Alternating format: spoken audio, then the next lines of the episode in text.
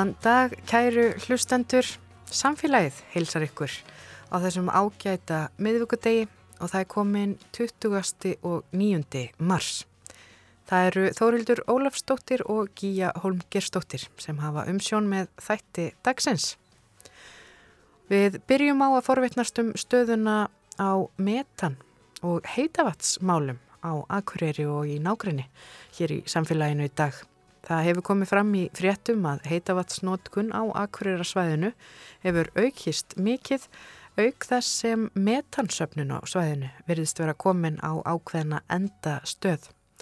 Við fjöllum um þennan viðbúna skort á metani og heitu vatni fyrir norðan og fáum til okkar í spjall hann Eithor Björnsson sem er forstjóri Norðurorku.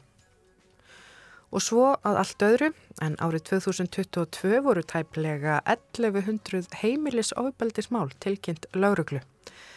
Fæst þessara mála rata til lauruglunar og stjórnvöld vilja breyta verkreglum svo hægt sé að grýpa inn í aðstæður og fækka alvarlegum afliðingum heimilsofbeldis með því að gefa heilbreyði starfsfólki heimildir til að tilkynna mál sem koma inn á borð til þeirra til lauruglu að höfðu samráðuðu þetta við þólanda.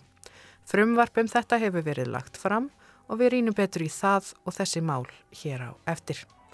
Og málfarsmínútan verður svo á sínum stað og í lokþáttar er það vísindaspjallið góða með henni ettu Olgudóttur og hún ætlar að segja okkur frá nýri rannsókn á því hversögna við fytnum aftur eftir megrun. Já, aldeilis aðteglisvert í meira lægi.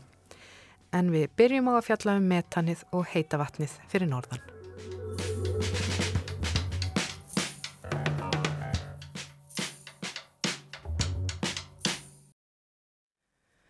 Þá er það metan og heitt vatn sem er næst á dagskrá hér í samfélaginu og fókusinn hann verður hérna á Akureyri og í nákrenni en heitavatsnótkunnin á svæðinu hefur aukist meira en gert var ráð fyrir og nýjasta veitusvæðið við Hjalteri er komið að þólmörkum.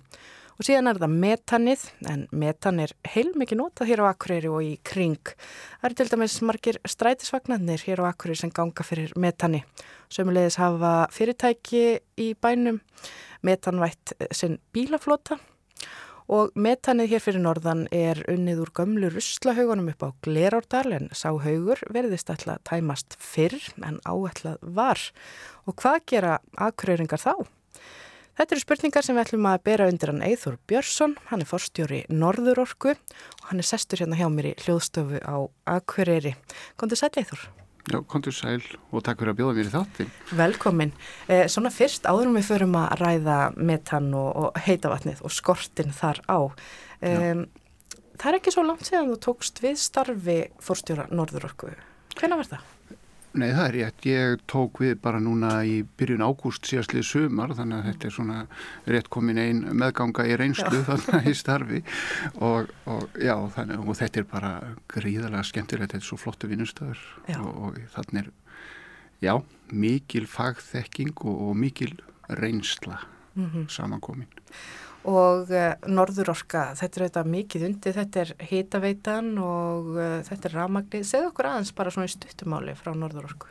Já, ef við förum bara svona eldsnögt yfir það, þá eru þetta, uh, horfið við hérna á Akureyri á að við erum með allar veitunar hérna, það er að segja rafveitu, vassveitu, hitaveitu og, og fráveitu og, og hérna getum nú státað af flottir reynsistöð hérna niður í nýri bót sem er, er að gera mjög góða hluti og langt umfram eh, væntingar getur við sagt. Þannig að við erum að reynsa frá, frá okkur fráreinslið miklu betur en eh, vonast þar til í uppafið og en svo erum við auðvitað bara að reyna að koma eða tökum þátt svona í hinnum ímsu samfélagsverkefnum hérna á svæðinu. Við viljum vera hortsteinn svona í þessu einn af hortsteinunum hérna á svæðinu. Já Þetta er auðvitað orkumálinn, þetta er gríðarlega mikilvægur málaflokkur núna eh, og metanið, það hefur nú verið mikið rætt um að það þarf að nýta metan betur eh, til orkuskipta.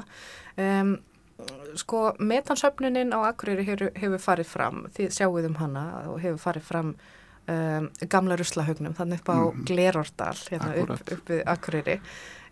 Segðu okkar svona aðeins, hver, hver er bara staðan á þessum, þessari metansöfnun þar? Já, staðan er kannski komin, við erum komin svona í eh, held ég hápuntin í nýtingunni þarna. Á, á metani, það er að segja vinnanlegu eh, metani. Og við sjáum fyrir okkur að, að það getur ekki þannig að gerst en að drægi úr framlegslu það er einhvern metani að svæðinu er að minga mm. og mögulega innan sko 5-6 ára þá eh, svona 6 ára þá kannski verður ekkit físilegt að framleiða metan af haugnum í, til elsneitisnota lengur. Þannig að við munum þá mæntalega hætta því bara. Mm. Af því að hlutverk norðurorku í þessu er fyrst og fremst og engöngu að fanga metani þarna og komið veg fyrir að fara út í, út í andrúsloftið og, og búa til verðmæti úr því. En þetta er bara hnignarni öðlindi ef við getum orðað þannig sko. Mm -hmm. Og hvað gera þá metannotendur? Nú er til dæmis eh, stór hluti Um, strætisvagnana hérna á Akkurir hann er knún áfram með metani og það eru fleiri bílar, ég, til dæmis bara norður orku bílarnir, þeir eru Já. margir hverjir metanbílar um, hvað er gert þegar allt í einu metani bara klárast? Sko það er náttúrulega kannski byrjað að segja að það hefur verið óvinnu slemt ásand núna vegna þess að við fengum líka með svona, uh, við fengum bílun í stöðinni sem við höfum verið að stragla við að leysa úr og, og okkar ágæta fólk hefur verið að berjast við þetta í, í krefjandi aðstæður en, en ég, við sjáum vonandi fyrir endan á því. Mm. E, við erum byrjuð að og vinnum það með Akurabæ, Sorpu og, og dreifingaradalunum eða söluadalunum sem er, er ólís. Við erum farin að flytja metan til Akureyrar Já. frá höfuborgarsvæðinu sem er kannski svolítið eh, ekki staðan sem við vildum vera í en, en eitthvað verður að gera því að eins og nefnir strætisvagnar og önnur tæki Akureyrabæjar, tæki Norðurorku og svo bara einstaklingar sem er að nota metan þau þurfaðu þetta að fá þetta eh, elsneiti e, þegar ég tala um 5-6 ára að, að við klárum af högnum þá sé ég kannski fyrir mér líka að, að hérna og ég vona svo innilega að að það verði af því að hér byggist upp líforkuver. Því að það hefur verið til skoðunar í allanga tíma að hérna, byggja upp líforkuver hérna og taka þá slátur úrgang og bara allan úrgang og búa til verðmæti úr því. Og þar gæti orðið talsverð metan framlegsla sem vonandi tekur við en þánga til þurfi að brúa bylið með einhverjum hætti svo að sé að nýta eins og segi strætisfagn og annað sem að, sem að þarf bara vera í umferð og við getum ekki farið að dengja ólíu á allir þessi aukutæki það er hérna, þá er betra að flytja þetta hinga til að brúa bylir. Já, um, og gæði þessa metan sem er núna sapnað í þessum haug, hvernig er það? Er þetta jafn mikil orku, orkuríktu metan og, og, og hefur verið? Nei, það hefur ekki verið, sko, hefur, við höfum ekki náða að halda upp í þenn gæðum sem við höfðum uh, stemdum að og það bara kemur til af því að þetta er nignandi. Mm. Þannig að við erum líka um leið og við erum að tala um magni, þá erum við líka að tala um gæðin, sko, sem að hafa, þeim hefur farið aftur. Þannig að við bara sjáum þá og reynum bara að gera það besta úr þessu þánga til að þetta klárast en, en það eru góð gæði í því sem eru að flytja hengað á svæðið. Já. Um, þannig þetta er svona, það þarf að brúa þarna á kaupbíl og, og, og svo vonandi mun verða hér líforku verð þar sem verður þá framleitt metan.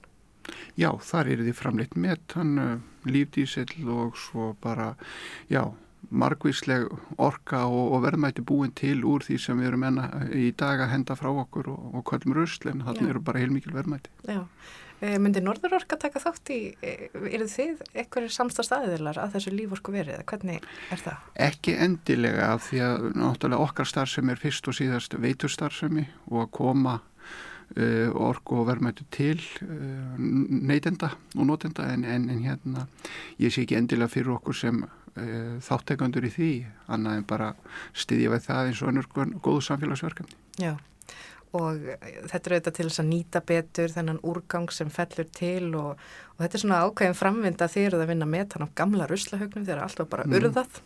En þarna í, í, í þessu líforku veri á að, að nota þetta alveg nýta úrgang til hins ítrasta Mjög spennandi. Mjög spennandi. Og, og mikilvægt. Og við fjöldluðum með um þetta í samfélaginu hér fyrir já, viku síðan en uh, þá langar mig að ræða þessum heita vatnið Uh, Akureyringar, eru þeir farnir bara bröðurla með heitavatni?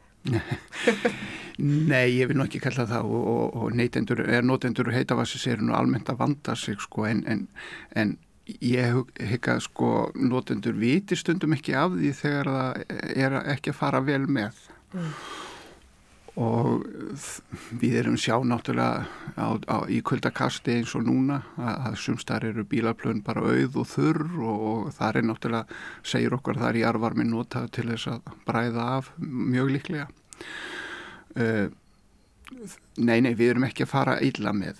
Það hefur bara verið aukning í, í þessu uh, bara við erum bærin að stækka. Mm -hmm. eins og er náttúrulega að koma inn í mis svona viðfóksefni sem við þurfum að bara vinna með. Og við þurfum líka að leita leiða til að draga úr varma tapi hjá okkur. Og ég nefndi hérna bílastæðin og fleira heitupotanir, þeim fjölgaði um já ég veit ekki töluna, það er talað um þúsund í, í COVID-inu sko. Eitthvað staðar sá ég tvö þúsund. Já, já, það er betri talað.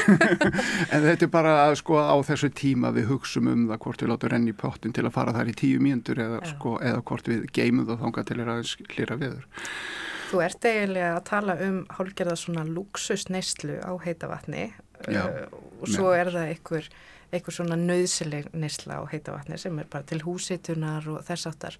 Hefur eitthvað komið til tals hér hjá ykkur á Norðurorku að, að, að bara einfallega hækka gjöld á þessa luxusneyslu?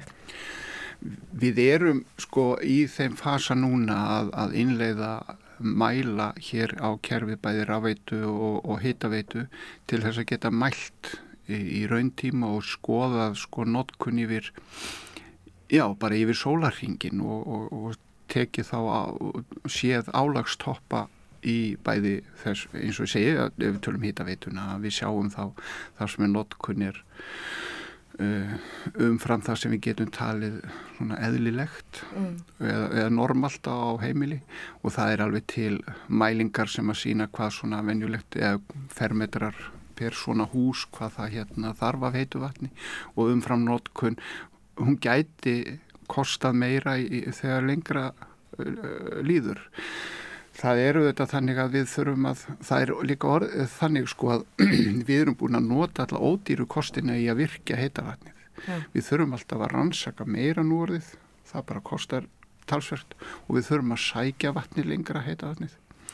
Og við þurfum orgu til að dæla því hinga til okkar til neytenda og allt kostar þetta orðið meira þannig að eh, óhjákvæmilega hlítur heitavatnið að verða dýrara með tíma að einhverju leiti en við viljum náttúrulega ekki eh, láta að kosta meira en það þarf og heldur að hérna, en við viljum líka geta umbuna þeim sem er að vanda sig og fara mm. vel með og það er markmið hjá okkur að komast þángað bæði í heitu vatni og rafmagni að, að þeir sem að eru að vanda sig og leggja sig fram, þeir njóti svona ávinnings af því. Mm -hmm. Þá ertu farin að tala um þennan svona meðvitaða neytanda, orgu neytanda Já. og notanda. Uh, eru þið með eitthvað fræðslu starf hjá Norðurorku? Uh, benda fólki á og það sé nú hagkvæmara að þú þvottin á nóttunni og, og, og passa upp og að veri ekki láta sírensli heita pottin á kvöldustu dögum og, og þar fram til kvötunum með það? Við, við höfum, höfum gert það að einhverju leiti og, og, og hérna vakið aðtegla ás og viljum bæta í þar og, og erum núna bara með í vinslu mm, svona kynningamindband eða fræðslu myndband varðandi heitavatni til dæmis. Það sem er akkurat verið að vekja aðtegla á því hvernig við getum farið betur með. Við höfum gert þetta með kaldavatnið og við þurfum að vinna þetta líka með vaksandi hérna, rafbíla innvæðingu hérna hjá okkur. Við þurfum að vekja aðtegla á því hvar hvenar er hagfælt fyrir neytandan og veiturnar og kerfið allt að, að hlaða mm -hmm. bílana. Já, um, sko, aðal, aðalsvæðið fyrir heitt vatn hérna á Akureyri og í nákvæmni það er á Hjaltiri. Já. Þar eru, já, einhverja nokkra borhólur, þrjár eða ekki? Þrjár vinsluhólur, já. Þrjár vinsluhólur. Um, og þetta svæði er komið að þólmörkum. Mm. Hver, hver er svona framtíðin? Já, Þetta er, við erum sko, við erum með mjög lofandi svæði ef ég má orða þannig hérna utar í fyrðinum þar sem að heitir, hefur verið kallað Ytrivík, kallum Ytri Haga því að það er kannski meira lýsandi fyrir svæði sem við erum að fara vonandi að virkja mjög fljótlega. Mm. Þar hafa farið fram umfangsmikla rannsóknir og við teljum okkur vera með e, við hefum búin að kortleggja það svæði nokkuð vel við vonumst til þess að, að, að hérna, vera að fara í það núna bara í, um þetta leiti að, að bóra þarna rannsóknarhólur en hins vegar hefur verið erfitt að fá bóri það er bara mikil eftirspurn eftir þeim. Þannig að við það dregst fram á hausti að við getum klárað að bóra þessar rannsóknarhólur. Og í framhald af því þá vonumst við til þess að hefja bara borun á vinsluhólu í beinu framhaldi og björtustu vonir sem ég held að sé nú lengur farnar að hérna við getum byrjað að dæla heitu vatni frá þessu svæði í áslokk 2005, ég held að við séum 25, þá séum við að tala um 26, mm -hmm. svona vel gengur að við séum farin að virkja þar vonandi öflut svæði sem við munum þá tengja hérna í söður átt og inn á hjálteira svæði, við erum náttúrulega núna að svera upp lögnina þar til þess að auka afkasta getur hennar Já, það sést hérna að það eru framkvæmdir hérna ef maður keirir út Já. fjörðin Já. þá sjást þarna rör eh, komin langlegina til okkur Já, þannig er einmitt verið að ljúka þessum síðasta áfanga við að svera upp lögnina frá Hjalteri og, og hérna frá Skjaldavík og hingað inn á Akureyri En þú talar um að hvað, 2025 að þá gæti þessi bórhóla nýja komist í gagnið Svæðið er nú þegar reykið að það er komið að þólmörkum. Mm. Kerfið, eh, heita vatskerfið, er þá vantarlega ansi eh, allt í botni, e, nótkunnin hérna á Akureyri.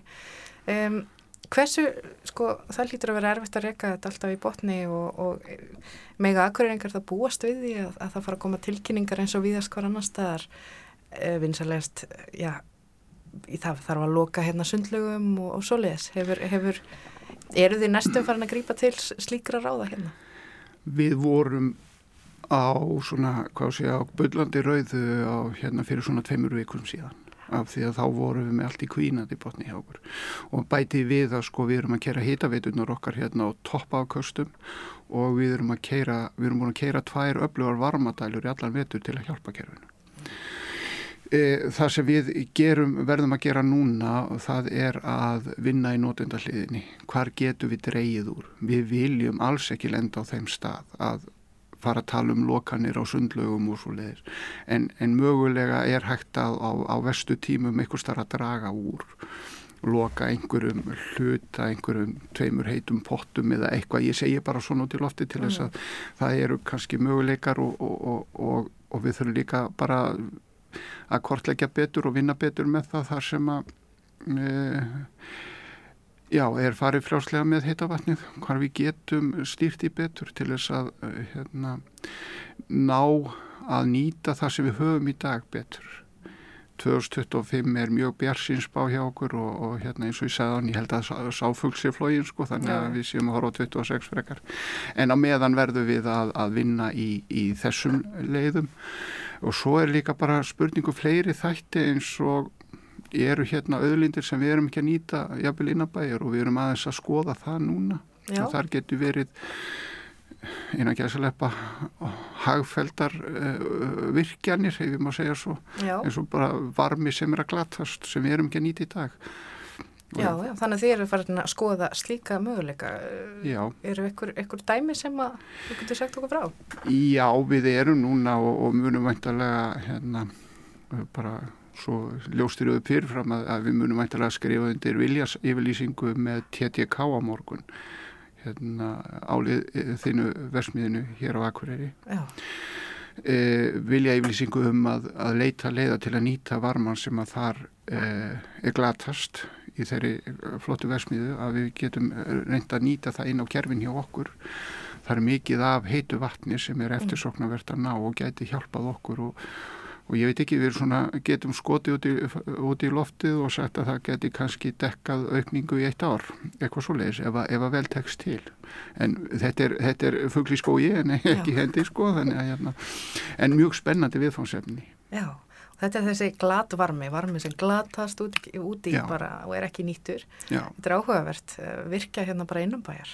Þetta er mjög áhugavert og við sjáum það á, á, á kvöldum degi, alla gufuna sem að rýsa þarna upp all, og all orkan sem að þarna fer forgörðum að við getum nýtt hana og það eru þetta fleiri, ég veit ekki, við erum svo sem ekki komin, við ætlum að byrja á þessu af því að við eh, teljum að þarna sé uh, tiltölu auðvelt að ná heitu vatni inn á kerfið og auka, auka við hjá okkur.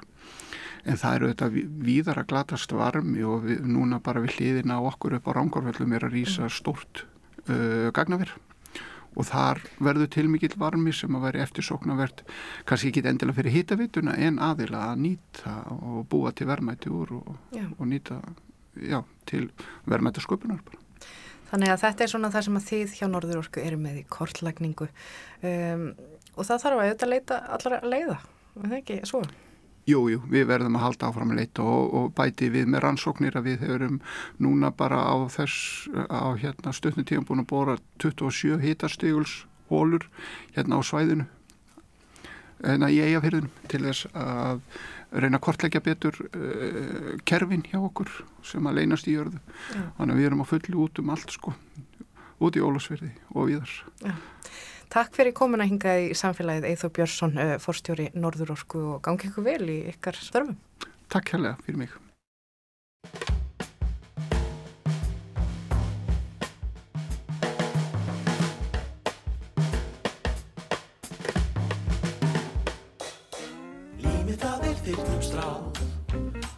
Samt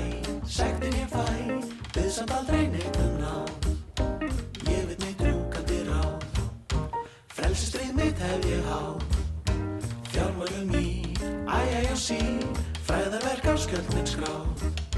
Ég veit mitt rúkandi ráð. Vandi þið slæg Viðskipt að menn Getið þú í Gjaldra til end Innum þú líð Orðin að bráð. Þess þú veitir þitt rúkandi ráð. Löglíðin er við sá verð voðaleg ef að er gá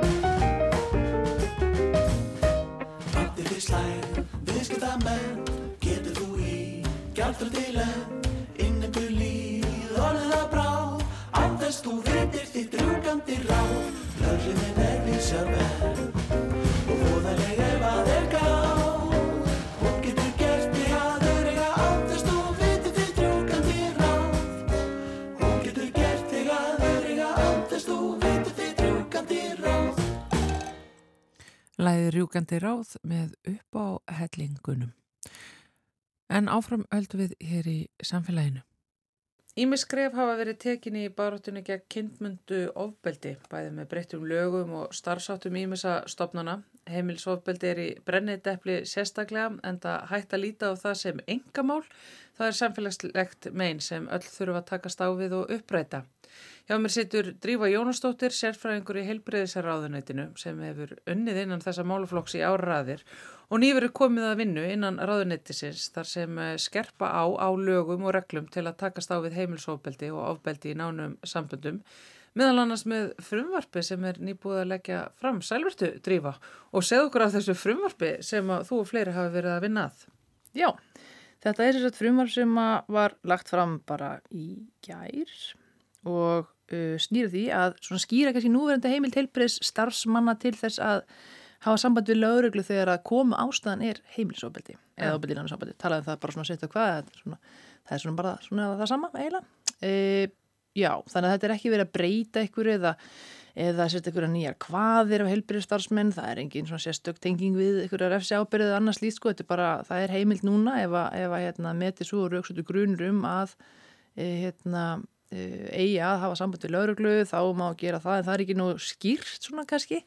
En að hugmyndin með þessari lagabreitingu er þá uh, meðal annars svo að skýra þessa heimild að segja bara þegar að heimilsöpildi er sannlega ástæðan fyrir því þú sér komið það er ekki grunur að því við ætlum ekki að fara að taka meiri sagt, það er ekkit volið valdeflandi að búa við heimilsóbildi, það er heldur ekki valdeflandi maður kemur inn á heilbyrjastofnun og það eru allt ákvarðanir teknar fyrir mann, þannig að þetta á að vera í samstarfi í samræði við e, þólandan e, Þannig að hérna, það er ekki þannig að þetta sé eitthvað skilda heldur á heilbyrði starfsmenn en eitt slíkt sko. Þetta er svona bara samvinna og, og með samhliða þessum lagabreitingum ef að, að verður þessar breytingi, þannig að frumar sem er bara að fer það núna í umfjöllunni á alþengi, sína leið þar.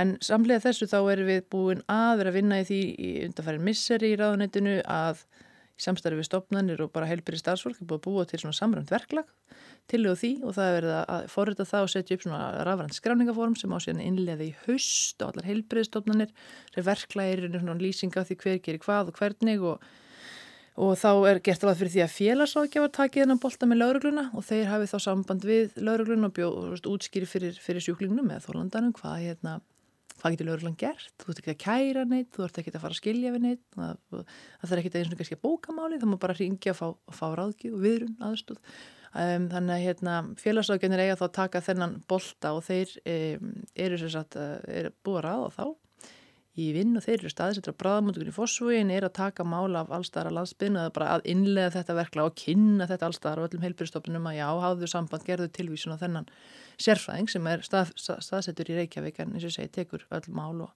og þá er það þeirra svona sér hlutverk þessar félagsráðgjáfa að, að hérna e, með þetta með vingilin með laurugluna sko, þess að þetta er líka batnaðatilkynningar og tengja í rauninni þólandan við ímis úrræði innan og utan kervisins, benda á já, hvernig að hverfið og alls konar úrræði sem, að, sem að er í bóði fyrir þólandur ja. þannig að þetta er svona á allt að vinna saman þessi e, mögulega breytingalögum og, og þetta verklag og þetta skráningaform þannig að við sem að gera svolítið svona það sama og það er svona á ennsku eitthvað svona best practice að við gerum eitthvað sem er sannlega búið að prófa sér það þarf að vera eitthvað svona samrænt ferli það þarf að vera læknir hjúknufræðing sem skoða við komum það er svo komið ykkur félagsrákjafa, hann þarf að gera batnantilking og bjóða lauruglun og bjóða lagfræðing ef þetta er kynfyrsopildismál, þá getur við tala um lagfræðing líka. Já. Já, og svona, já, vísa í sálfræðing og svona heildstætt, svona heildstæða þjónustu, ekki bara eitthvað svona eitt heldur en að hafa svona allan pakkar sem maður segir. Já, en þetta er náttúrulega reysa snjóbolti sem myndi þá fara að rúla af stað. Ef við tökum bara dæmi um þólanda sem að fer til læknis mm -hmm. út af handlisbroti mm -hmm. uh, og grunur vaknar um að, að um heimilsóbildi sé að ræða. Hva, hvernig bara samtal fyrir gang? Uh, Þólandi segir að ég dætt ég er voðalega klauvaleg. Já, einmitt, einmitt. Það, og auðvitað getur fólk það bara, og fólk má bara alveg segja það. Ef ég fer handlisbrotina því að maki minn handlisbrot mig í einhverju slagsmálum með reyfildi og ég ætla ekki að segja reynið þeitt frá því, þá bara má ég alveg gera það, þú veist, ég hef alveg rétt á því að það þarf ekki að, og það er aldrei eitthvað svona meiningin að reyna svona einhvern veginn að pína fólk til að segja frá eitthvað, ef þú ert ekki tilbúin til að segja frá, þá er það allt í lagi. Þá, þá, þá kviknar ekki allir þessi þjónust og helbriðstarfsmar sem að lagar handlisbrotið er aldrei að fara að gripa fram fyrir hendunar á þér þó að við komum til grunni að þetta sé ekki af því að þú ert klöfi Nei, nei, sko, einmitt, en það er líka annar partur af þessu og ég er alltaf með sjálf og mig mikill í væntingar stjórnunar eh, meðferð með það. Þetta er ótrúlega fjölþett og margt. Minna lagabreitingar er eitt. Einlega verkla á allar heilbyrjastofnun landsins. Það er bara risa, risa verkefni já, já, já. sem það er miklu eftirfylgni. Og svo er þetta með bara fræðsluna og, og allir, allir heilbyrjastarfsmenn séu með ofbeldisgleru á nefnu, sko. Þú veist, að, að spurja bara, ok, dastu aftur? Já, ok, komst ekki hérna fyrir fjórum mánuðum eitthvað, þá rannstu og neðbrotin. Ok, hvernig gengur heima, eitthvað svona, bara spurja svona það þarf ekkert að vera, ekkert eitthvað spurningalisti já, bara opna á þetta og vera ófeimin við það ég held að sé líka svo mikið tabu í samfélaginu bara, já, þetta er eitthvað heimilisofbeldis það er líka fólk kvísla sem að maður skilur alveg, þetta er svolítið svona pandurbóks og kemur það upp og þá er, herði, já, ok þetta er heimilisofbeldis, já, já, já, já byrju það er börn og þetta verður þetta bara meira flækjustig og, og, og þú veist, ég skil það alveg þetta er, þetta er ekkert eitthvað svona sem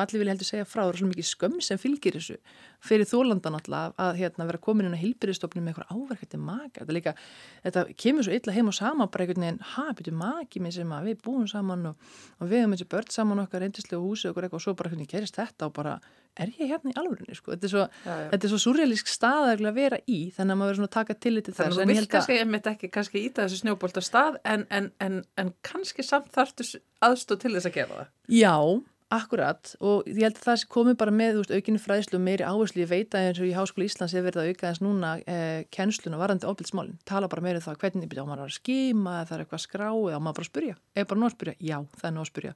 Hérna, það, fræðin segja það, bara að spurja í rauninni hvernig gengur heima og er, er eitthvað meira sem hún segir mér um þess áverka? Já, og bara býða aðeins þess að, þú veist, 30 sekundur þannig að fólk bara segja, já, já, kannski. Eða þú veist, það Það getur verið einleið að komast yfir vandræðilega heitin sem að tilhera þessum málflokki alveg saman hvort það voru heilbrið starfsmæður eða þólandi eða hvað Já, er það. já, og bara tala um þetta, þetta er þetta, þú veist, og fólk upplifir alveg skömm og ég skil það bara mjög vel, sko, að þetta er vandræðilegt og astanlegt og maður heldur ekkert, já, þetta var kannski ekki bara svona, já, já, ég minna, storma samt, eitthvað svona, þú veist, maður vill ekki líka, það er líka bara um- umræðin varandi, sko, eins og gerendur, skrimslavæðing og það, þú veist, all- allir sem, allir sem að hvaða ofbeldi það er, þá ertu bara viðbyrst skrimslu ógeð, þannig að ég vil veginn ekki að maðurinn minn eða makin minn sé allt í norðan þetta ógeð, þannig að það gengur heldur ekki upp, þannig að nei, nei, við erum bara í smá storma sem er sambandi, þú veist, maður er veginn bara svona, hm, kannski sumir, uh, Já, svona réttlætt veginn, kannski bara, það er svo erfitt að horfast í auðvitað við þetta. Já, og þess vegna er náttúrulega veist, þetta frumvarp og, og, og, og þessar reglubreitingar og viðhórsbreytingar sem að undan hafa komið, náttúrulega eru þetta alltaf til þess að, að- skerpa á þessu og, og draga þetta meira og meira upp á yfirborði.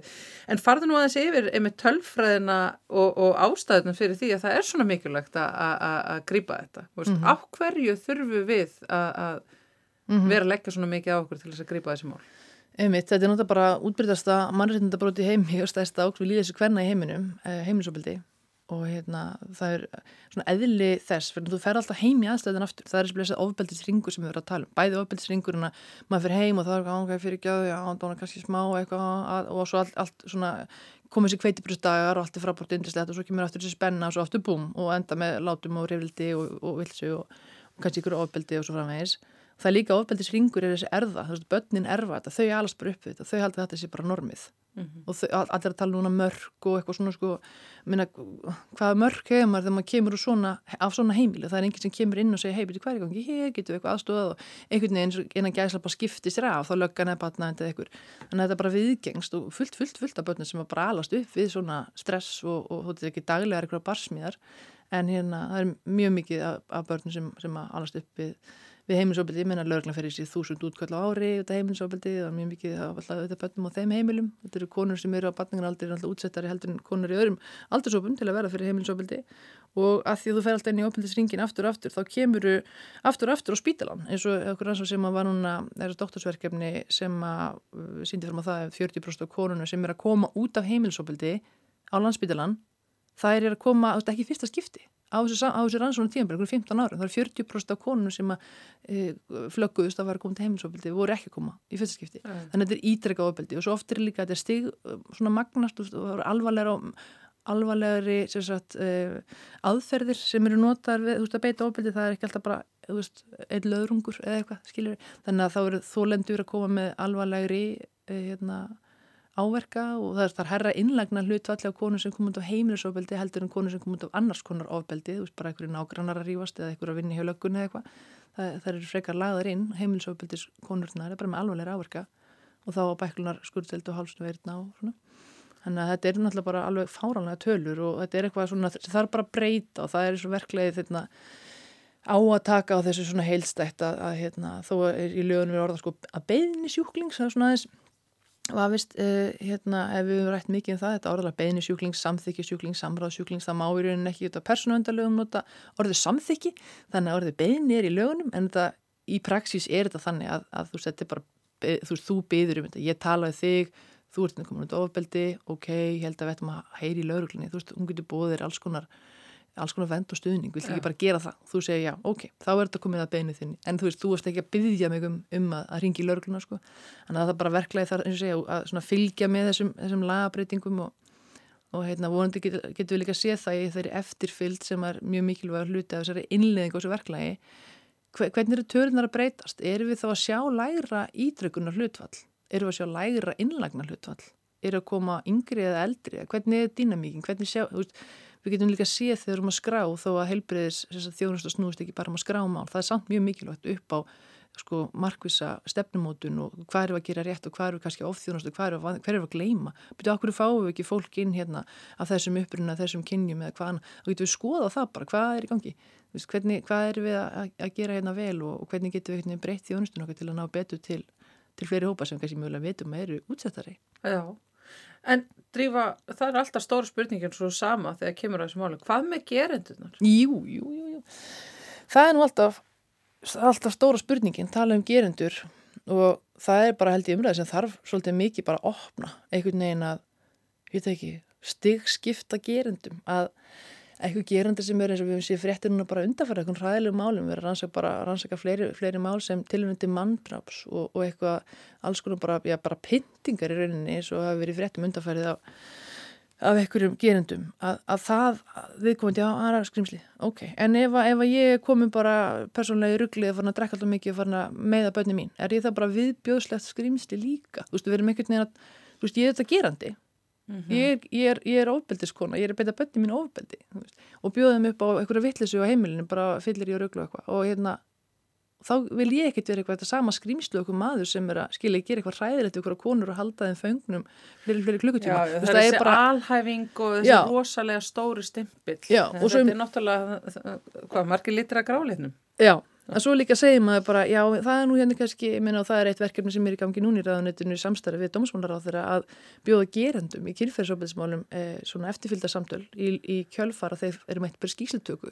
Þau auðvitað eru einhverjir, eh, bara grunlausir og bara skilji ekki neitt upp eða niður. Og það er ekki þar með sagt, það er að segja þess að ég komnir í þessu stöðu, bara ha, byrju bara kæra mig fyrir nöðgun, er ég í alverðinu bara í þessari stöðu að, að hérna, þá hugsa, hugsa maður, ok, nú er maður eitthvað gerenda með ykkur, byrjuður að fara að eigða tíma og pening helbriðstafsfólki að þjónusta gerendur, bara hvað er gangi í þessu kerfi, en við verðum líka sem þú segir, að, hvað með þessa gerendur? Ef þetta er ykkur hegðun sem ykkur sálfræðin getur rætt við þig og sagt, herðu útskipt við þig, hvað er í gangi og hvernig þólandin er að upplifa það sem þú ert að gera þá kannski mögulega getur þú bara hætt að beita þessari hegðun. Þú veist, það er svona pælingi með þessu, að því að náttúrulega áhrifaríkasta leiðin til þess að stoppa ofbeldir að fá þau sem því beita til að hætta því. Já, já. Þannig að svo er þetta svolítið svona, það er líka verið að það er búið að núna að vera að styrkja þjónustu við, við þólendrófbeldi, salfræði þjónustu og núna allir sem að fara, koma út á heimilsofbeldi, fá í þjónustu og kynfyrsofbeldi og öllu landinu, það var bara, ef komst í fossu þá verið virkast sálfræði þjónustarlögumennir en, en það er enn en eitt verkefni sem er í gangi í ráðanitinu að innlega samræmt verklega varandi kynferðsopilsmálin að hafa það samræmt um all land þannig að hvort sem ég fara á, á Ísafjörðu eða Akureyri eða Neskustæða hvert sem ég fer þá fá ég sambarlega þjónustu, ég fæ sálfræðing og, og hérna og lögfræðing og það er alltaf svona svipu, þjónustöði búið fyrir mér sem þólanda ofbeldist, þannig að það er líka auðvitað verið og það auðvitað er, er nummer 1 og 3 að þjónusta þau sem verða fyrir ofbeldinu, hvort sem það eru börn eða fullornir mm -hmm. en það er líka hugsa um þess að gerendur og segja hvernig getur við einhvern veginn ávarpa þá og bóðið þeim einhvern veginn inn í það að, að hérna, hætta þessari hegðun En úrst, varðandi til dæmis þetta frumvarp sem að er mitt bara svona um, einleið til þess að stoppa upp í öll götin sem að umkringja þessi mál mm -hmm. og bara gera það, gera kerfinu og samfélaginu kleift að grýpa þetta áður en að ég óefni fer að þegar við sjáum að fæsta þessu málum eru tilkynnt og þetta er í vestu tilfelli geta þessi mál náttúrulega enda bara með uh, dauða og, og ónýtri barnasku og, og bara alvarlegum félagslegum og eh, heilbreyðisvandamálum með tilhengandi kostnæði og, og vandræðum fyrir okkur sem samfélag. Þannig að það er alveg, þið eru búin að útskýra það, það er til mhm. mikils að vinna með því að stoppa upp í þetta. En veist, ef að þetta fremvar fyrir gegn, veist, mm -hmm. að núna geta heilbreyðistarsmenn í samráði við þólendur tilkynnt eh, mhm. um heimilsofbeldi og ofbeldi í nánu samböndum er þetta þá komið? Eh, hva, hvernig, veist, hvar eru stóru göttin? Hvar eru stóru sömsbrettunar þar sem við þurfum að hérna, söma saman næst? Ó, ég held að sé bara alveg, æ, ú, hvað er að byrja? Hvað er ánga tíma? Nei, það er alltaf bara, held ég, slutt samfélagslega breytingi sem ég fór aðeins inn á áðan, menna hvað er ofbeldi? Fólk skilgrir ekkert sína hegðum sem ofbeldi. Það sé stærsta brasi við það er einhvern veginn að fá fólk til að hætta að beita ofbeldi, að það skilgrir þessi enginn sem ofbeldismanniski. Giftur skrýmsli og mögulega elsk, elskaru skrýmsli og skrýmsli er eh, faði barnanæðina. Já, þetta er mjög flókið eh, og svo ekki sem líka bara, hm, já, getur ekki fólk bara hægt að beita annað fólk ofbeldi. En veitu, akkur er ég að beita? Veitu, hvað er að, akkur er ég, akkur er ég komin í, í þessa vittlesu að, að, að, hérna, segjum bara komin í einhverja, eh, já, bara komin eitthvað út á spórinu. Hvað kom fyrir mig? Akkur er ég að beita þessari hegðun? Veist, þetta er erfist náttúrulega bara. Þeir sem að beita ofbeldi það er náttúrulega líklar að það sé einstaklingar sem hafi átt erfið esku með einhverja skilja ykkur tengslaröskun hafa sjálf kannski verið beitt ofbeldi þó það sé engin afsökun, það er líka fólk sem hefur beitt ræðilega ofbeldi í æsku, alla æskunum sína já. og það er ekki, já, já. hefur ekki sko dreifið flugu, þannig að það er ekki að alhafa það eða eitthvað afsaka það, en það getur verið útskýring að þú ert eitthvað með eitthvað brenglaðar pælingar, svona alltaf ennur ellan alltaf með sko allt þessa, þessa klám klámvæðing og klám áhorf og allt það sem og ungt fólk er, er hérna uh, mikið bara verið fyrir barðinu núna. Talað um að opna panduru öskju sko, það er bara þegar maður fyrir að opna á þessu mála þá bara einmitt hlust utan á þau. Já, hversi er krakkar að gælda sem er búin að horfa fleiri fleiri klukkutíma vikulega af einhverju viðbjörnslu klámi? Þau vita ekki hvað er kjænslan í skólakerfunu eða heima hjá þeirra hver séðum það, hvernig kynlífa á að vera? Ja. engin, það má bara segja káorðu, það, það, það, það er bara miklu meiri umræði um eins og ofbeldi, heimilisofbeldi og taka hvernig í burtu þess að skömm. Þetta er bara, auðvitað pínlítið liður en samt mjög mikilvægur að breyta lögum að vera með skýrt verklag og ráða en fagfólk eh, hérna, eins og þess að félagsakja og, og sálfræðinga þá sem getur veit svo sálfræðilegan stuðning til þess að grípa þess að þólundur og börnin og reyna að styrkja fólk í því að komast út úr aðstæðinum og líka gerundurna, ég menna félagsakjafni líka þau mun að hafa samband til gerundurna og bjóða þeim að fara í, í hérna, heimilisfrið. Já. og fá svona viðtal þar um bara hvernig þín hegðun er og reyna, reyna, reyna að spekla þína hegðun og og þá láta af henni, það er auðvitað líka markmið en það er bara auðvitað langur, langur hérna langt í marki þessu verkefni. Já, að útrýma, útrýma heimilisofbeldi al, almennt bara sko. En þetta er já, þetta er svona litlir uh, en mjög mikilvægir, kannski ekki litlir punktar sem að, já, eru mjög mikilvægir inn í þessu heilbreyðskerfi, þetta er náttúrulega þess að sagða þann stærsta bara líðhelsu ógn hérna og uh, ógn við líðhelsu hvenna og, og hérna mikilvægt að grípa þar inn í, í markvitsum aðgerðum og, og ekki sopna einhvern veginn að myndi halda þessi búið það er áframhaldandi fjármagn, áframhaldandi aðhald og aðgerðir og vitundavakning og samtal og einmitt, aldrei að stoppa sko. er ekki, þetta er ekki eitthvað eins og bara byggja eitt hús og, og, hérna, og mála og eitthvað, bara klárt sko. þetta er ekki einn eiliða verkefni einmitt. Áfram veginn eh, drífa Jónastóttir eh, sérfræðingur í heilbúriðsraðunutinu við eh, fylgjast áfram með þessu takkjarlega fyrir að koma hinga í samfélagið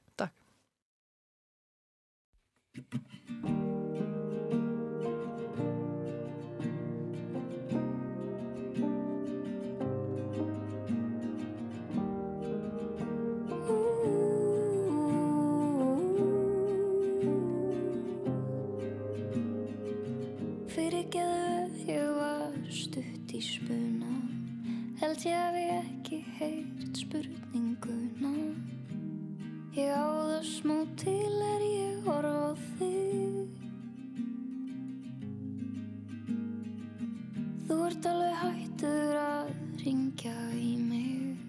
þarft ekki afsaka, ég skildi Þú skuldar mér ekki neitt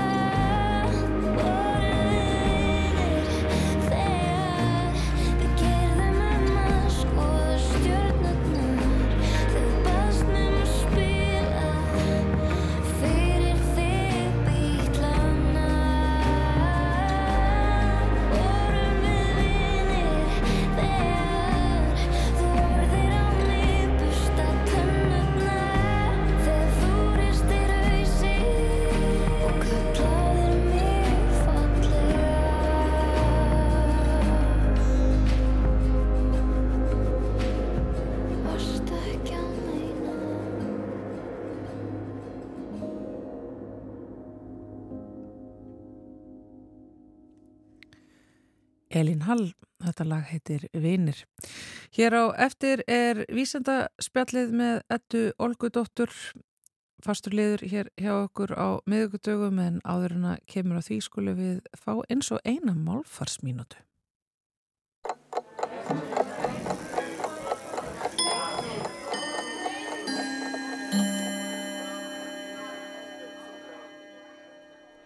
Mörg orðana sem við eigum um hverskins húsgögn eru upprunalega dönsk, en það hafa þau húsgögn sem ekki voru heimasmíðuð komið frá Danmörku þegar heibili Íslendinga tóku að nútíma væðast á 19. og í upphafi 20. aldar. En orðið sófi er þó ekki danstað uppruna. Það fyrir finnst í fjölmörgum tungumálum og sjálfsagt hafa Danir fengið sófan að láni úr þýsku.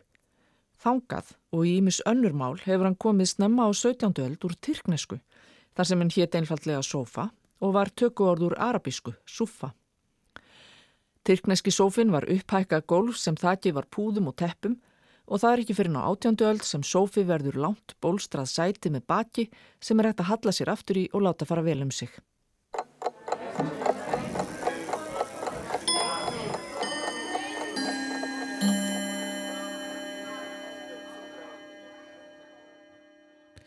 Áfram veginn hér í samfélaginu, málfarsmínúta baki, framöndan vísendaspjallið með ettu okkar Olgudóttur sem er sest hérna hjá okkur sælverst þetta. Sæl. Um, þú kemur nú alltaf með ímislegt áteglisvert hinga til okkar. Uh, maður tengir svona mismikið uh, við uh, viðfóksætniðinn en það er þetta náttúrulega svona alls konar uh, bara eins og, eins og gengur gerist. En ég held að í dag sérstu með eitthvað sem að við höfum flest ef ekki öll einhver tíman tekist á við í lífinu og það er megrun. Já, emitt og ég, sko, ég held að allir hafi einhvern snertiflött við Já, megrun já. sko. Og hérna, veist, allir ja, margir hafa farið í megrun og rosalega margir þekkja fólk sem hafa farið í megrun. Já, og hérna, og svo er náttúrulega líka sko bara alls konar svona mataræðis æði sem að gengur yfir hérna alltaf í janúar, februar, mars. Það er alveg hérna getur vel flokkast undir megrun þó við tölum um það með okkur um fallegum orðum sko. Já, einmitt, lífstilsbreyting. já, já, einmitt En þetta Og- er allavega sko eitthvað sem að öll hafa skoðun á og einmitt, eins og þú segir, snertiflut við. Já, við, ég myndi, Við já, ég held að ég geti alveg fullir það, sko. Og hérna, og það, þessi tiltekna, ég veit ekki hvort ég geti sagt típa af megrun, er örgulega líka eitthvað sem að, að fólk tengir við, en það er þetta, þessi jójó áhrif. Það hafa allir líka Mm. heyrt talað um, hérna, þegar fólk fer í megrun og grennist og svo er megruninni lokið og fólk hérna fer aftur bara yfir í sitt sko hefbundna, sinn hefbundna lífstíl og þá fitna þau aftur og bæta á sig þeim kílóum sem að þau mistu og jafnvel aðeins meira. Já. Og þetta er svona, hérna, einmitt, þeir sem hafa farið í megrun tala mikið um þetta og þeir sem hafa verið umgengist það fólk hafa heyrt um þetta. Og svo eru kannski þeir sem hafa ekki endilega upplifað þetta sem að hafa heyrt um þetta en við kannski hugsum um þetta svona bara, já, er þetta kannski bara, þú veist, er þetta ímyndað er þetta eða er þetta hérna, þú veist, af hverju gerist þetta, varst ekki bara svo ógisla ána að geta borðað aftur, af því það er bara rosa gott að borða, þannig að við erum með alls konar svona for hugmyndir um þetta, þessi jójó áhrif. En þetta er samt ekki bara, hérna, þetta er ekki ímyndun, þetta er raunveruleg hérna, það sem að gerist, raunverulega í bara mæl, ef við mælum fólk sem hefur þurft að fara gegnum þessar, hérna, þessar breytingar og fara gegnum megrun og sjáum við að það er mjög algengt, ég segi ekki allir eða öll, en mjög stór hluti bætir á sig aftur þeim kílóum sem að fara af og jafnvel eitthvað meira.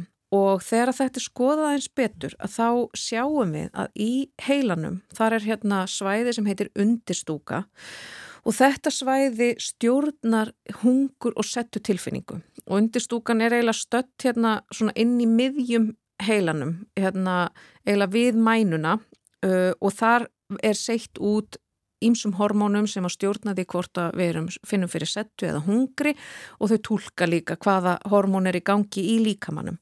Og þegar að hérna, megrun er í gangi og við hérna, innbyrðum færri kaloríur en, en venjulega að þá verðum við náttúrulega svöng mm -hmm.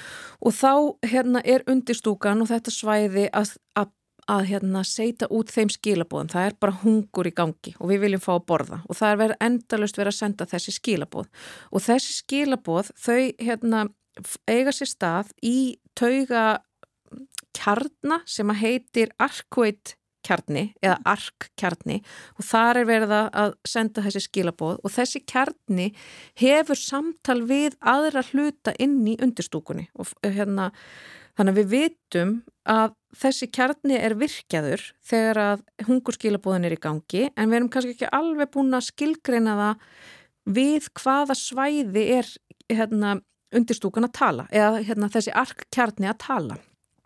Og núna í, hérna, hvort það var bara ekki núna í mars, að þá var verið að byrta grein í cell-metabóli, hérna, metabolism held ég að heiti bara sem er hérna reytringt vísindaritt og þar er verið að sína fram á með tilraunum á músum hvernig þessi hérna, taugabóðar að virkjast og það gerist þegar að hérna, megrun er í gangi og það er hungur í gangi þá virkjast þessi taugabóð í frumum sem að heita AKRP og þær er að tala við annarsvæði í undirstúkunni sem heitir paraventrikular hypothalamus þau eru að tala saman.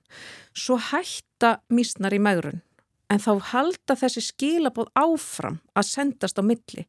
Þannig að hungur skilabóðin sem að hérna, eiga sér stað þegar að verða að hérna, fækka kaloríunum og það er ekki verið að innbyrða nægilega mikið að fæðu, þau viðhaldast og það er það sem gerist þegar að hérna, þessi jójó áhrif af megruninni koma fram að þá eru við ennþá að senda skilabóð um að við séum svöng ah. og á þessum AGRP frumum að það eru viðtakar sem að heita NMDAR viðtakar og ég hérna, veit ekki eins og fyrir hvað það stendur það er náttúrulega alltaf ógisla flóknar við tölum bara um það setna já, já.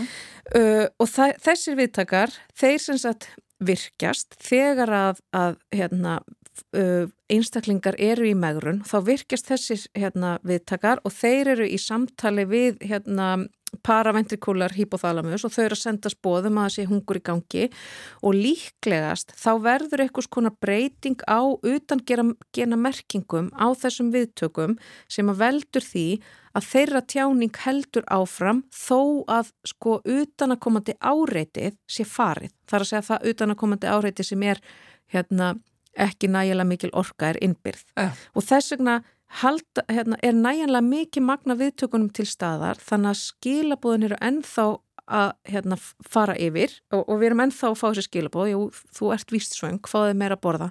Þannig að einstaklingurinn borðar meira jafnvel þó að að viðkomandi sé orðin sattur. En þetta, er þetta ekki bara nákvæmlega sem er settutilfinningun?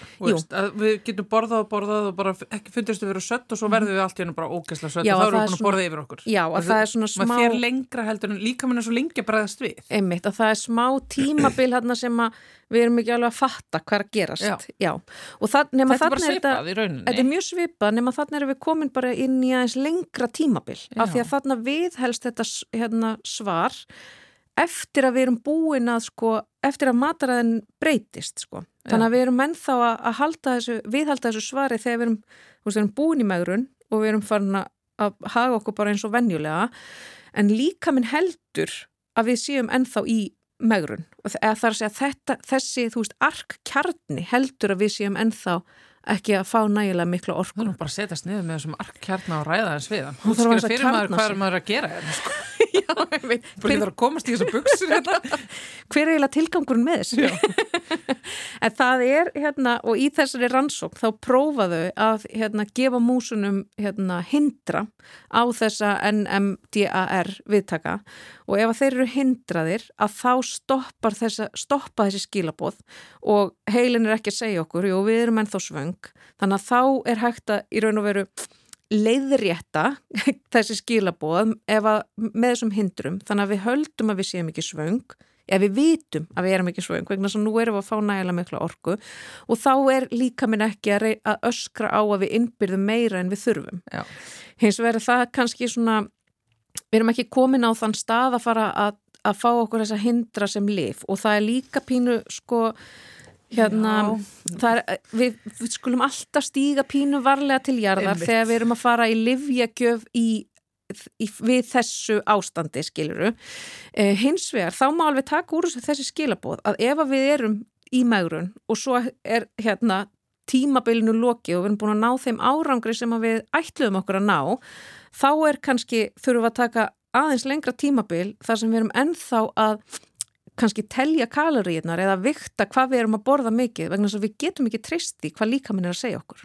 Af því undir venjulegum kringumstæðum þá eigum við að geta treysti hvað við erum að, það sem við skinnjum. Við eigum að geta treysti að þegar við erum að borða og svo verðum við sött að þá er það komið gott. Já, já. En hérna, það virkar kannski ekki alveg alltaf. Já, líka með sem að færi ekki allar hitaeiningarnar sem maður vill og þarf, uh, líka með sem er sveltur, uh, líka með sem er hataður. Já, svo er þetta náttúrulega líka bara pínulíti flókið samband sem að hérna, við getum átt við matin okkar og hérna Og hefur kannski, já. já, og hefur kannski ekkit endilega með arkkjarnan í hýpothalamus að gera. Nei, ymmit, og hefur kannski ymmit bara með þennan megrunar kultúr að gera sem að við velkjumst við miður öll í og tökum öll þátt í óavitandi og ekki. Einmitt og eins og tala um sko að setjast niður með arkkjarnanum og ræða sko hver tilgangun með þessari megrun er að við ættum kannski einmitt að ræða það svona við okkur sjálf sko. Kjarn okkur sjálf. Já, algjörlega. Já, þarna ertu náttúrulega að koma inn á eh, hérna, eitthvað sem að er eh, já, viðfangsefni okkar en kannski ekki vísindana. Þarna er Mm. einhver svona samfélagspæling sem við þurfum að Einmitt. mögulega vinda ofan af. Einmitt. En veist, að því sögðu það er frábært að vísindi sé að skoða þetta og finna þetta út og, og, og útskýra okkur, okkur þetta verður ofta einhvern veginn aldrei svona einmitt, jójó. Algjörlega og svo náttúrulega hérna, ég er kannski svo kaldur vísindamaður að ég átta mig ekki alltaf á því þegar ég byrja að tala hérna en hérna tilgangurinn með því að rannsaka þessa hluti og skoða hvers vegna við erum að hérna, fitna og hvers vegna við erum að þingjast snýst að langmestu leiti um það að það að vera í yfirþyngd getur haft áhrif á aðra þætti heilsunar Já. og lífskeiði. Það er ekki alltaf Og- um einhverja buksur sem það langar að mæ- mæta í Nei, þetta snýst nefnilega sjálfnast um buksurnar þó að það gerir það kannski svona á samfélagslegu leveli sko. Já. Já, þetta er einmitt, það er, það er náttúrulega auðvitað aðri tilgangur þarna til staðar líka. Vá, þe- þetta var alveg svona, þetta var alveg svona marglega vísindaspjall hérna hjá okkur þetta. Já, ég er komin og, út í allt og heimsbyggilega sálma, ég held ég ætti að fara að stoppa þetta. Já, stoppum það og uh, þennan þátt því honum fyrir að ljúka en við komum aftur hér uh, og verðum á sama tíma morgun. Takk hella fyrir okkur í dag, verið sæl.